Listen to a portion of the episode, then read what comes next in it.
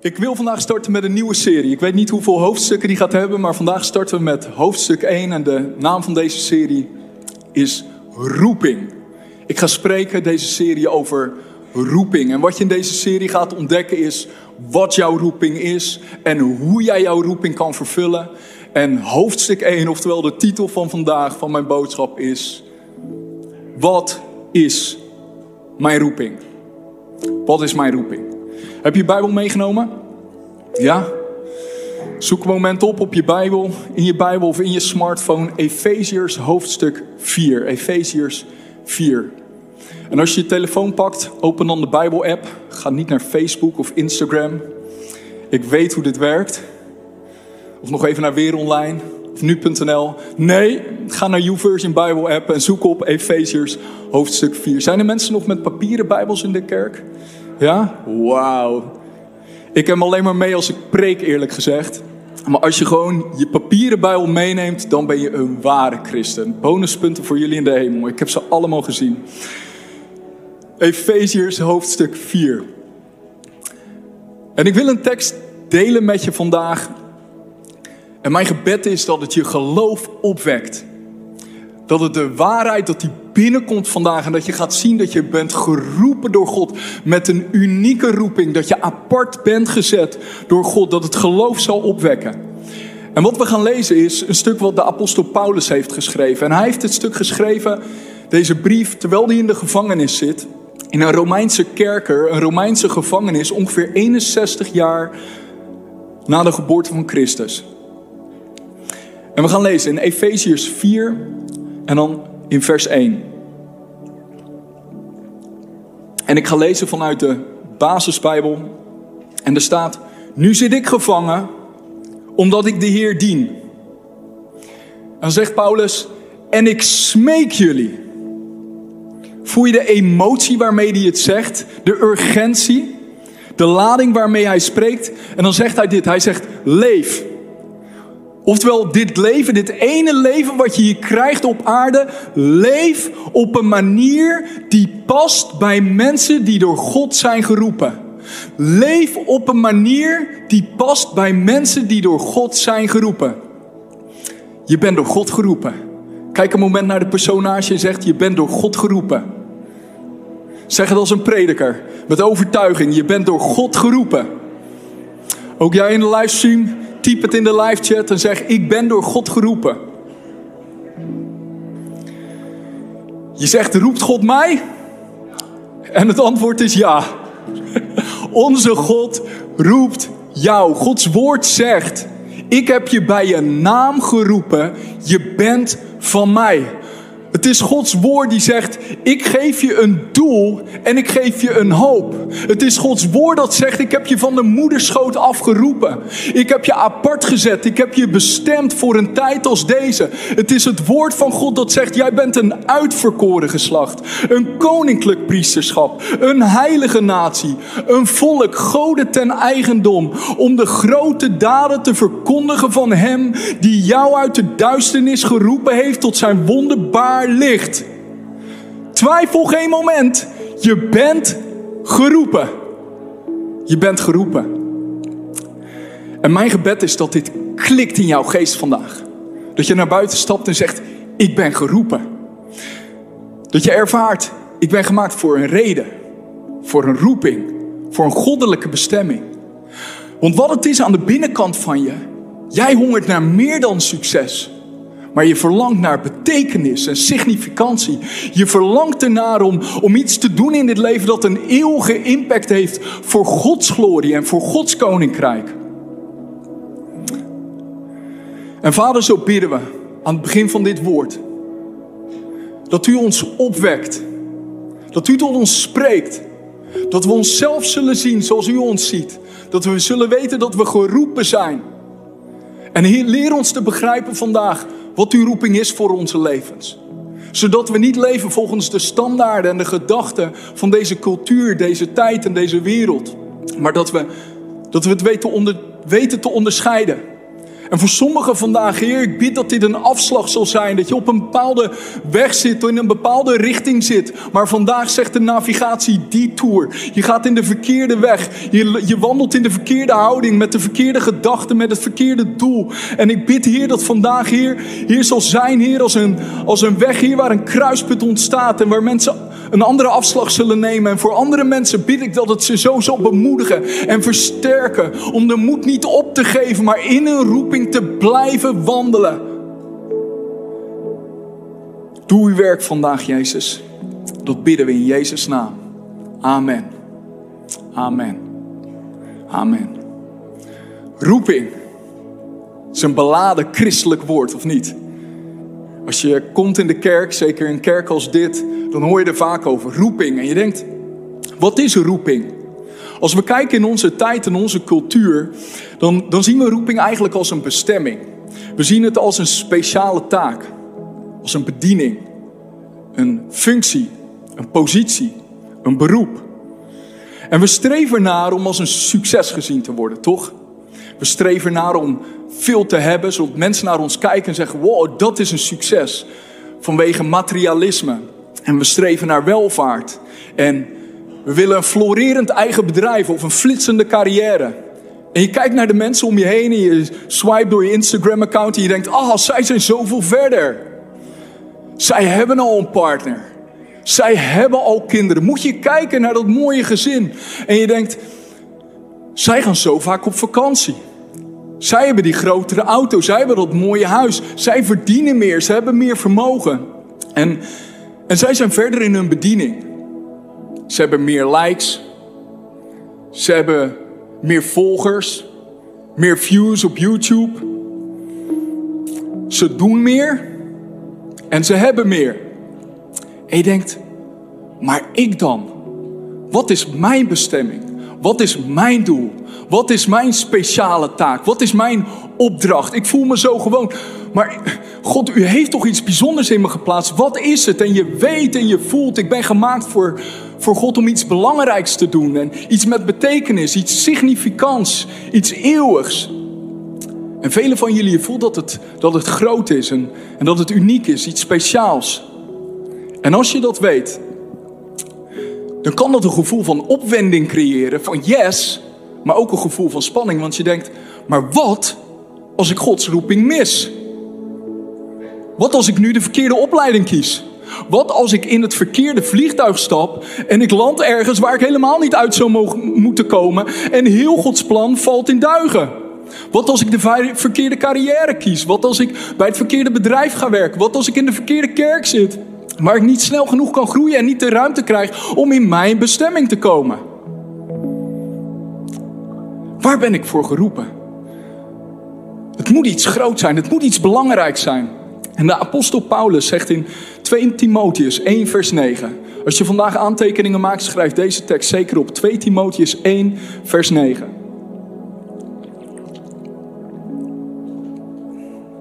Paulus zegt, hij heeft ons zalig gemaakt, oftewel Jezus. En zalig gemaakt betekent gered. Dus hij heeft ons gered en dan zegt hij en geroepen. Jezus heeft je gered en geroepen. Laat me je nu vertellen wat hij niet zei. Hij zei niet, Jezus heeft je gered en geroepen zodat je een zendeling zal worden in Afrika. Hij had het kunnen zeggen, maar hij deed het niet. Hij zei niet, je bent gered en geroepen om een succesvol bedrijf te bouwen. Had hij kunnen doen, zegt het niet. Hij had kunnen zeggen, je bent gered en geroepen om een proefvoetballer te worden. Dat is het gebed van onze zoon, iedere avond. Als ik met hem bid, hij heeft een vast gebed en zegt, hij bidt dat hij de beste profvoetballer ter wereld wordt. En op een dag zal spelen bij Paris Saint-Germain.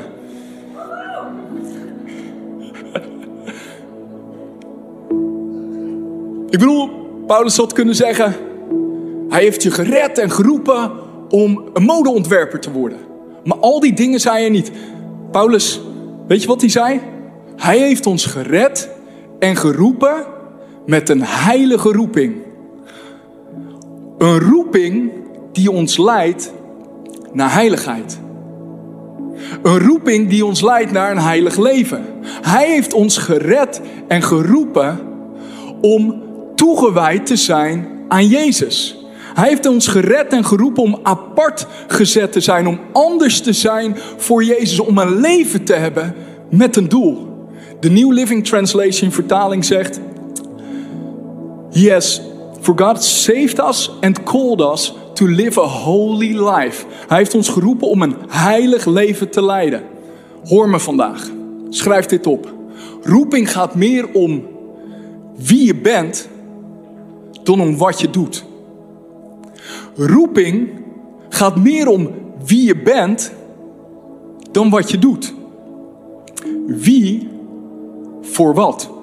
God heeft je geroepen om een heilig leven te leiden. Met andere woorden, roeping gaat meer om wie je wordt dan om wat je wordt. Je bent geroepen om heilig te zijn. En het Griekse woord voor heilig is het woord hageos. En hageos betekent apart gezet, anders. Dus op het moment dat, je, dat God je heilig heeft gemaakt, heeft hij gezegd: Ik heb je apart gezet. Ik heb je gemaakt om anders te zijn. Dus als je een christen bent, dan praat je anders, dan doe je anders, dan beweeg je anders, dan behandel je andere mensen anders dan de mensen in deze wereld. Het verandert de manier waarop je denkt, waarop je loopt, waarop je beweegt, want je bent heilig, je bent apart gezet, je bent geroepen, je bent anders. Je bent bekrachtigd door de Heilige Geest om een heilig leven te leiden. En weet je wat mij opvalt als ik de Bijbel lees en bestudeer?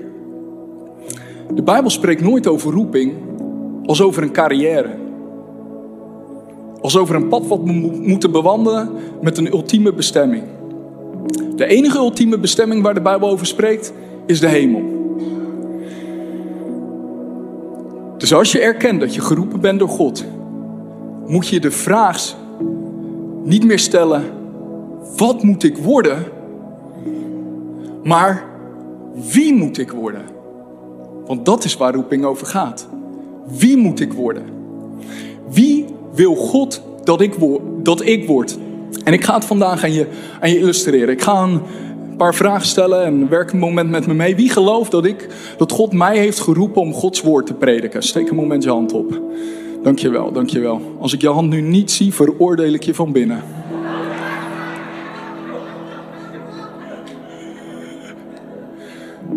Oké, meeste van ons zijn het erover eens. God heeft me geroepen om Gods woord te prediken. Ik geloof ook dat God me heeft geroepen om een liefdevolle en trouwe man te zijn voor Cheryl. Iemand die het met me eens is? Oké, okay. veel meer handen opeens. En wie van jullie denkt dat God me ook heeft geroepen om een emotioneel betrokken vader te zijn bij onze drie kinderen, Benja, Ava en Lexi? Oké. Okay. Phew. Ik ben nog steeds dezelfde persoon. Maar ik heb verschillende expressies van mijn roeping.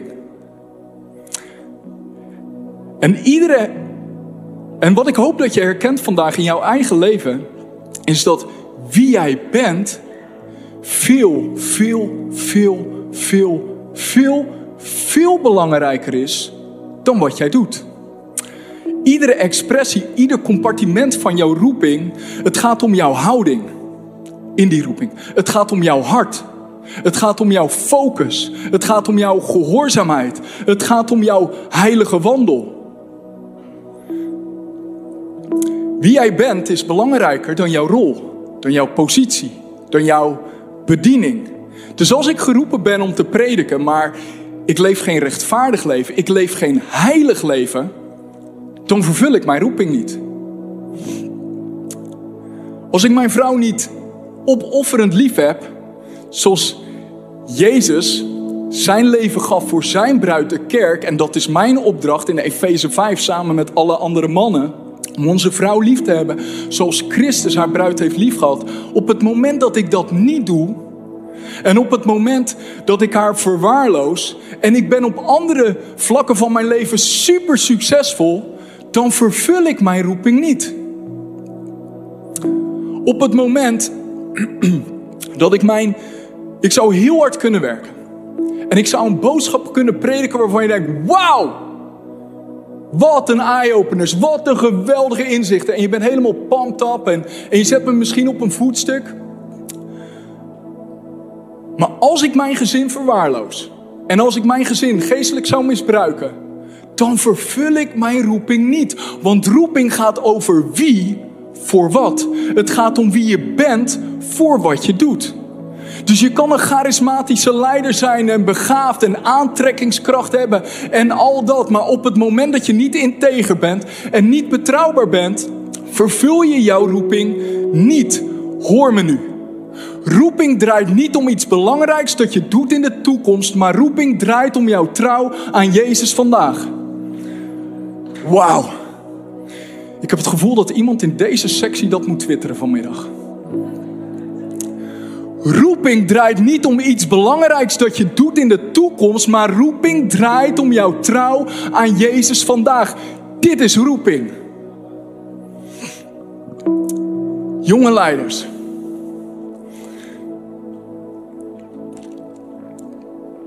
Wat wij willen, twintigers, misschien zelfs tieners, is willen zo snel mogelijk op die positie zijn, op die plek, op dat platform en, en dat podium hebben. Maar laat me je herinneren vandaag aan David. David werd gezalfd tot koning en hoorde dat hij gekozen was als koning toen hij een tiener was.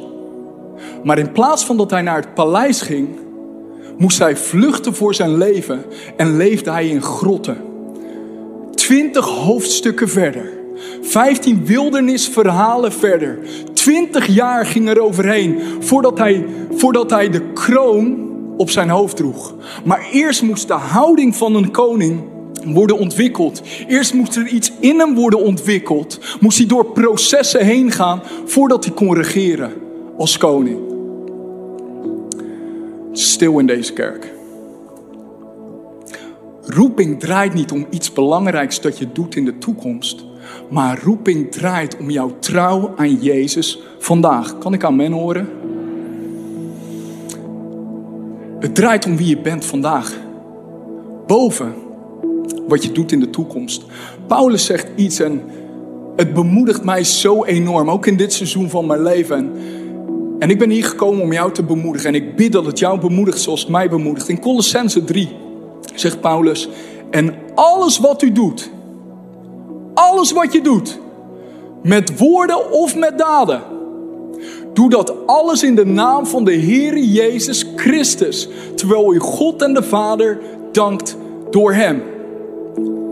En dan zegt hij vervolgens, en alles wat u doet, doe dat van harte, als voor de Heer en niet voor mensen.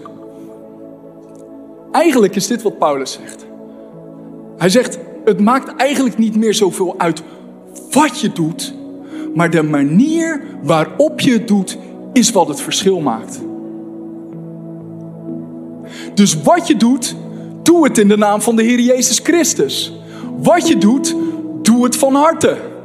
Wat je doet, doe het als voor de Heer. Wauw man, dit verandert mijn perspectief. Dus nu is werk niet alleen maar een middel om mijn rekeningen te betalen, maar nu is werk aanbidding. Want ik kom op mijn werk en het werk wat ik niet eens leuk doe, vind, ik doe het nu opeens van harte. Ik doe het als voor de Heer en God neemt mijn offer aan en hij ziet het als aanbidding. En wat ik doe, doet ertoe. Opeens is mijn werk mijn roeping. Opeens wandel ik in mijn roeping. Wauw. Dus als je thuis bent met je kinderen en je bent uitgeput. En je vervangt de zoveelste luier. En je hebt zoveel slapeloze nachten achter de rug. En je denkt, God, je doet het van harte. Je doet het als voor de Here. En als je dat doet, is het aanbidding als je die luier verschoont. Het is aanbidding voor God.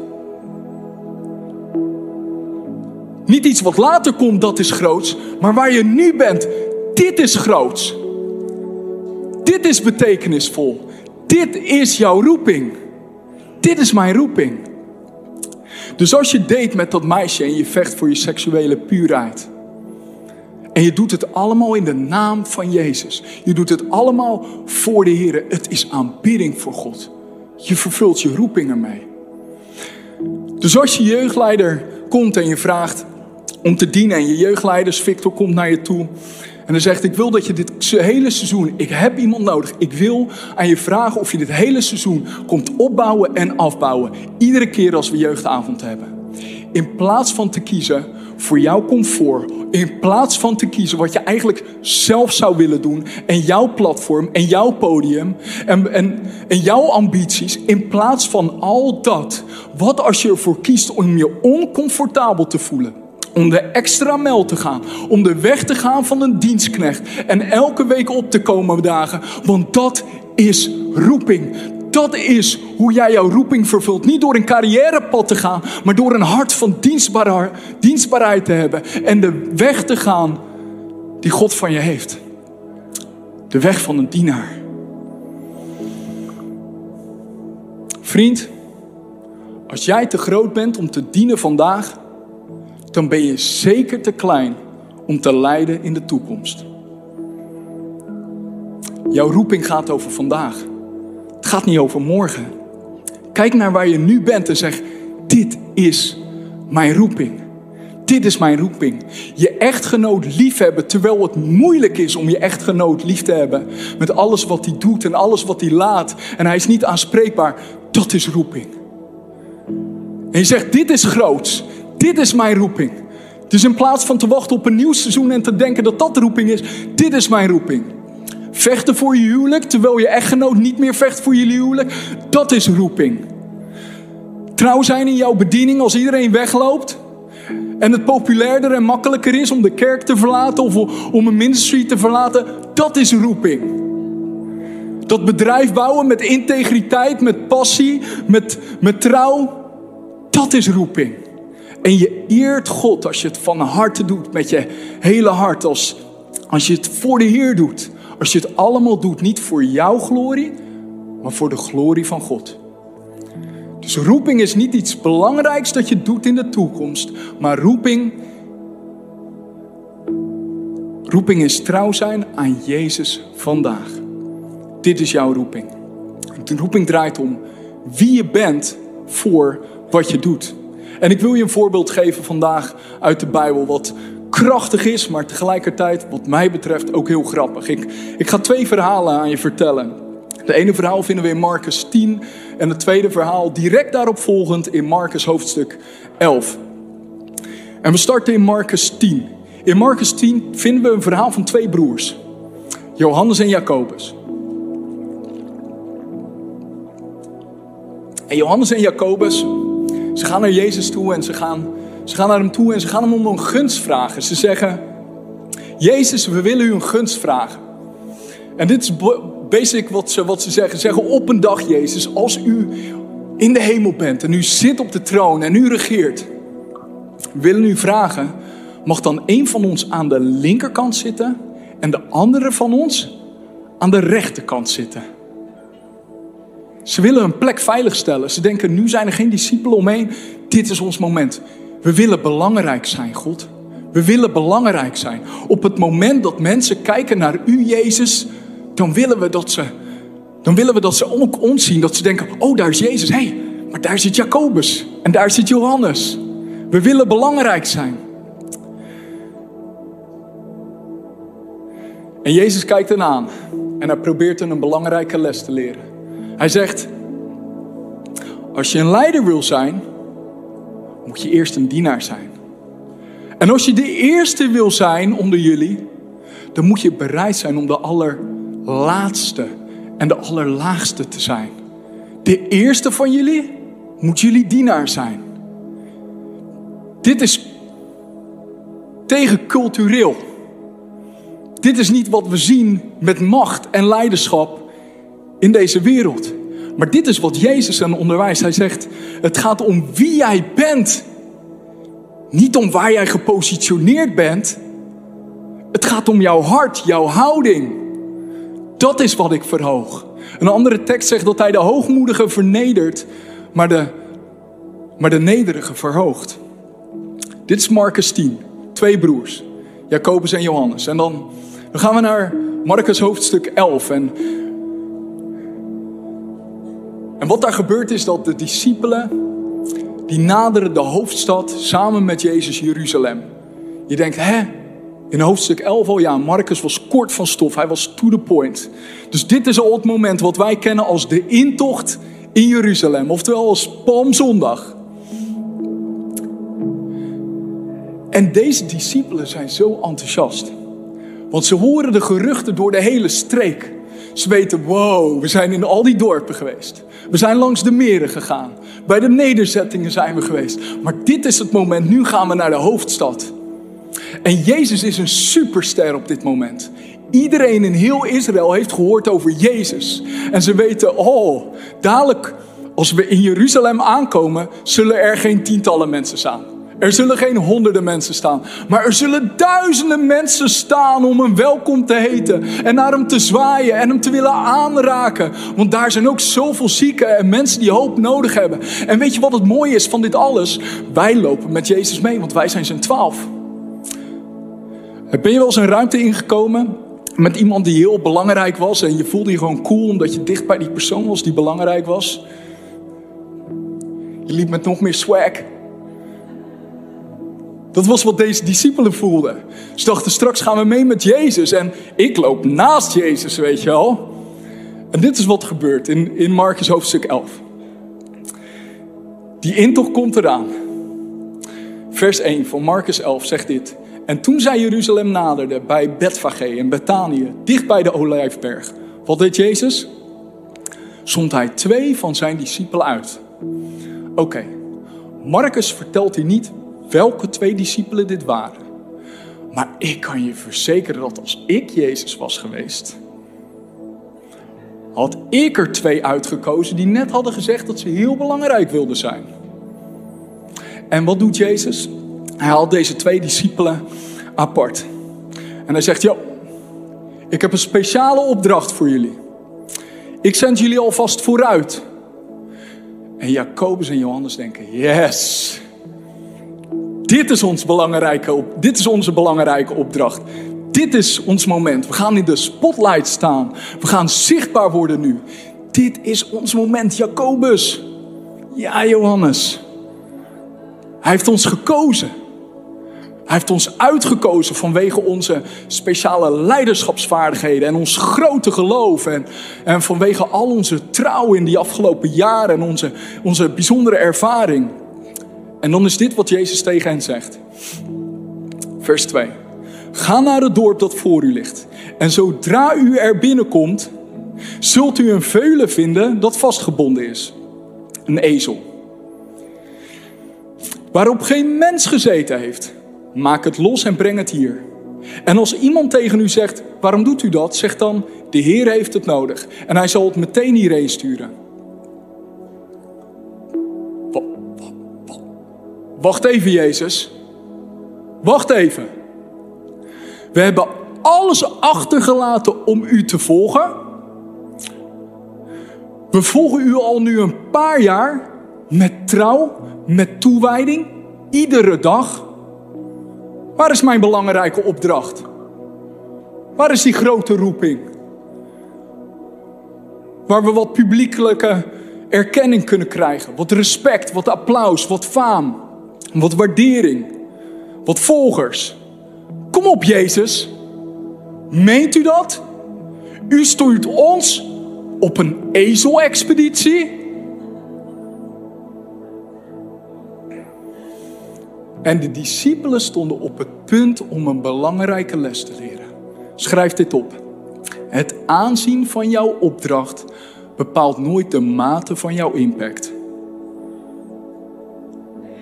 Het aanzien van jouw opdracht bepaalt nooit de mate van jouw impact. Het aanzien van jouw opdracht, oftewel wat jij doet, het kan niet belangrijk ogen. Maar het bepaalt nooit de mate van jouw impact.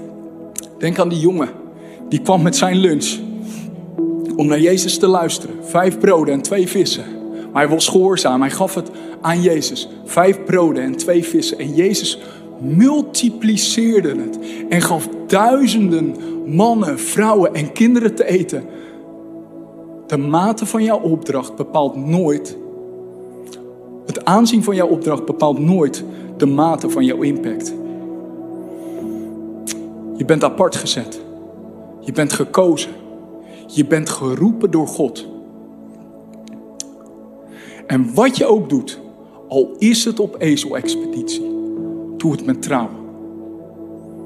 Doe het als voor de Heer. Doe het van harte. Doe het met integriteit. Doe het met je hele hart. Doe het gepassioneerd. Je doet het voor Hem die alles heeft gegeven voor jou. Jouw redder, jouw maker, jouw bevrijder, jouw Heer. Het draait zoveel meer om wie jij bent dan om wat jij wordt. En deze twee discipelen hadden waarschijnlijk geen idee dat zij de ezel bezorgden die Jezus zou brengen naar zijn roeping en zijn bestemming. Het aanzien van jouw opdracht bepaalt nooit de mate van jouw impact. En let op, vers 7. En zij brachten het veulen bij Jezus. En deze twee discipelen, wat deden ze? En ze. Ze wierpen hun kleren erop. Deze twee discipelen, die eerst nog dachten, wij op ezel-expeditie. Ik weet niet wat er gebeurde onderweg naar de ezel of vanaf de ezel. Maar nu deze tweezelfde discipelen, ze komen terug. En in plaats van dat ze gericht zijn op hun eigen waardigheid, op hun eigen faam, op hun eigen respect, op hun eigen recht, op hun eigen statuur, hun positie, hun verdiensten, doen zij hun mantels af. Zij trekken hun bovenkleren uit. Ze staan letterlijk in hun hemd. En die kleren, leggen ze op de ezel. Ze hebben een openbaring gehad nu. Dat ze zeggen, Jezus, deze roeping draait niet om mij. En dat ik gezien word of dat ik word gehoord. Het gaat niet over mij en mijn ambities en wat ik wil. Maar Jezus, het gaat alleen om u. Hier zijn mijn kleren. Ik wil in mijn hemd staan. Ik wil te kijk lopen. Ik hoef niet zichtbaar te zijn. Laat mij maar achterop lopen desnoods. desnoods. Maar als ik u maar kan verhogen, Jezus, dat is mijn roeping. Dat is mijn bestemming, Jezus. Als ik u kan eren. Als ik andere mensen naar voren kan pushen. Om alles te zijn hoe u ze heeft gemaakt. Dan is mijn roeping vervuld, Jezus. Mijn roeping draait om u. Mijn roeping draait om meer te worden als Jezus. Om meer te gaan lijken op Jezus. Om zelf minder te worden, te sterven. De Bijbel zegt dat we als een graankorrel zijn die eerst in de, in de bodem moeten vallen en moeten sterven. En pas dan groeien we op. Pas dan kunnen we echt onze bestemming en onze roeping vervullen. Maar de focus moet af van onszelf. En onze focus moet terug naar Jezus. Niet gericht op onze comfort. Niet gericht op wat wij willen. Maar gericht op Jezus. Jouw roeping bestaat zoveel meer en draait zoveel meer om wie jij bent dan om wie jij wordt. Bent, kom het podium op dan. Gaan we afsluiten. Je zegt, wat is mijn primaire roeping? Weet je wat je roeping is? Meer en meer gaan lijken op Jezus. Weet je wat je roeping is? Te sterven aan jezelf. Weet je wat je roeping is? Om een dienaar te zijn. Jouw roeping is om toegewijd te leven. Om een heilig leven te leiden. Waar je niet langer leeft voor jezelf, maar leeft voor de glorie van God. En om andere mensen te zegenen. Om andere mensen naar voren te brengen.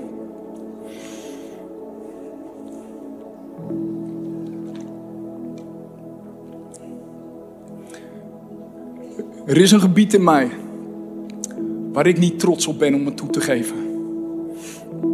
Maar iets in mij wil belangrijk zijn. Iets in mij wil gezien worden. Iets in mij wil worden opgemerkt. Iets in mij wil dat als ik een boodschap predik, dat mensen zeggen: Mark, jouw stem doet ertoe. Mark, wat je doet is zo belangrijk. Wat je doet is zo betekenisvol. Diep in mezelf wil ik graag belangrijk zijn. Maar wat ik weet is dit. Dat als ik op een moment aan het eind van mijn leven verschijn voor de troon van God, dat Jezus niet zal zeggen: Goed gedaan, goede en belangrijke dienaar. Mijn droom, mijn diepste verlangen, Mijn enige doel is dat hij op een dag zal zeggen: Mark, goed gedaan, goede en trouwe dienaar.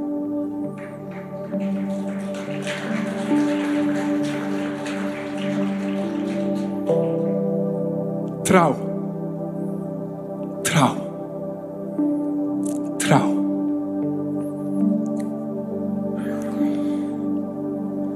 Sommigen van jullie zitten in een gevecht. En ik heb ervaren in de voorbereiding dat sommigen van jullie op het punt staan om op te geven. Maar als je niet stopt, dan win je. Als je niet opgeeft, dan win je.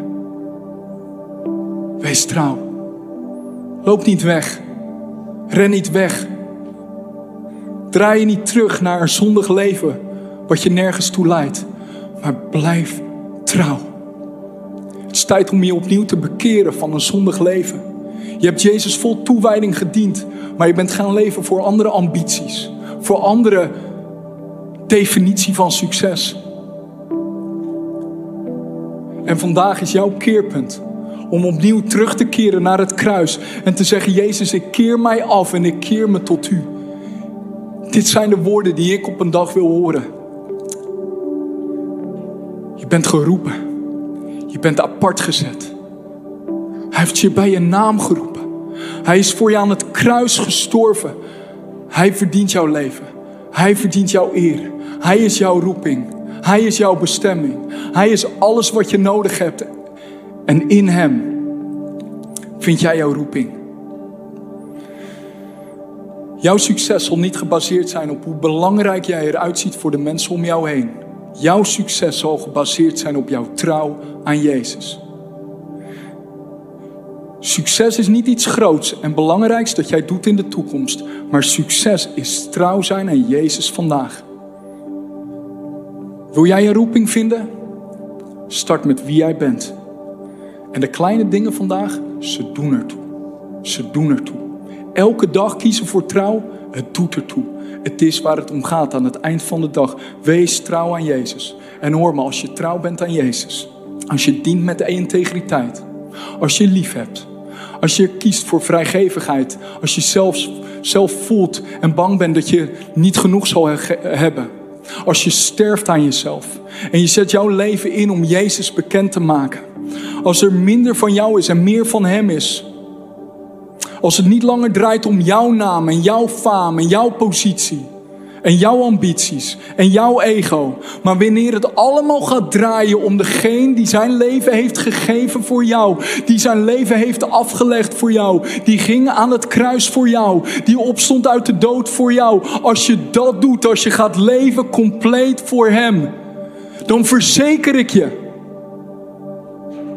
Dat jij je roeping niet hoeft te zoeken. Maar jouw roeping zal jou vinden. Als jij jouw roeping vervult, dan zal roeping jou vinden. Weet je wat mijn Bijbel mij leert? Is dat God altijd mensen roept die actief waren, die bezig waren, die eerst geknakt waren, die niet meer, lang niet meer leefden voor zichzelf. En op het moment dat ze niet meer leefden voor zichzelf, toen bracht God ze naar een ander niveau en met een andere mate van invloed. En dat is wat God wil doen in onze levens, is dat wij trouw zijn aan Hem. En als, als jij jouw roeping vervult, zal jouw roeping jou vinden. Vecht niet langer voor jezelf, maar vecht voor wie jij bent. Vecht voor wie jij wordt.